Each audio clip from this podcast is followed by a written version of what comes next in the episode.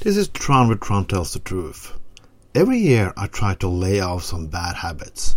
This year I'm gonna try to cut down on salt and sugar. I love salt and I love sugar. It's very hard. I will still not try to cut up coffee though, because I'm still a Norwegian and we drink more coffee than anyone else. Well, except the Finns.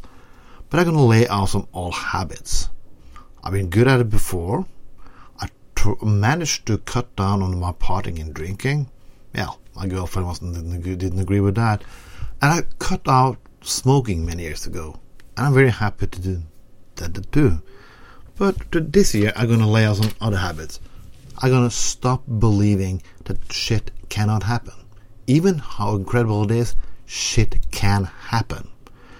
Well, liberals at this time last year laughed at the possibility that Donald Trump could be president. We thought like, yeah, he can't. It's too much stupid bullshit, racist bullshit. America will wake up. Yes, they waked up. They waked up to the worst hangover ever in history. Well, so what did we do? We started believing that when Trump was, tax- was caught in a pussy grabber scandal, that that should have an impact. But, well, it didn't. We always believe that things cannot happen so many people didn't go to the voting booth and didn't do a damn shit because, yeah, now we can just sleep tight and we will wake up tomorrow but it'll still liberal progressive torch will turn on. But that didn't happen and will not happen. A few days ago, well, a few days ago from when I, when I was reading this, there was a big women march in a lot of big cities, United States, and that was fantastic to watch a lot of big celebrities, a lot of fantastic people went on march. Thousands, thousands.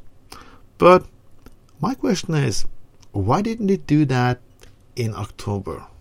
Yes, in October, then we really needed it. Then we needed to show strength and force. People didn't. That's typical with liberals. They always try to sleep till the day they suddenly wake up and find out, holy shit, did I do that? Did did that happen? Yes, it did happen. It happened because you were sleeping and you thought that people cannot be that stupid.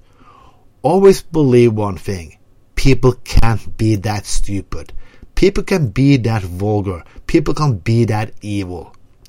We never believed shit can happen. We didn't believe it in 1939. We didn't believe it in 1914. But shit still keep on happening. People, liberals must start pull their head out of their asshole and start acting like what the world really is a constant battle for the freedoms we won. Uh, because we have a victory, the victory will not remain forever. You have to fight for it every day. That is how it works. Because there's always somebody who wants to take your freedom away.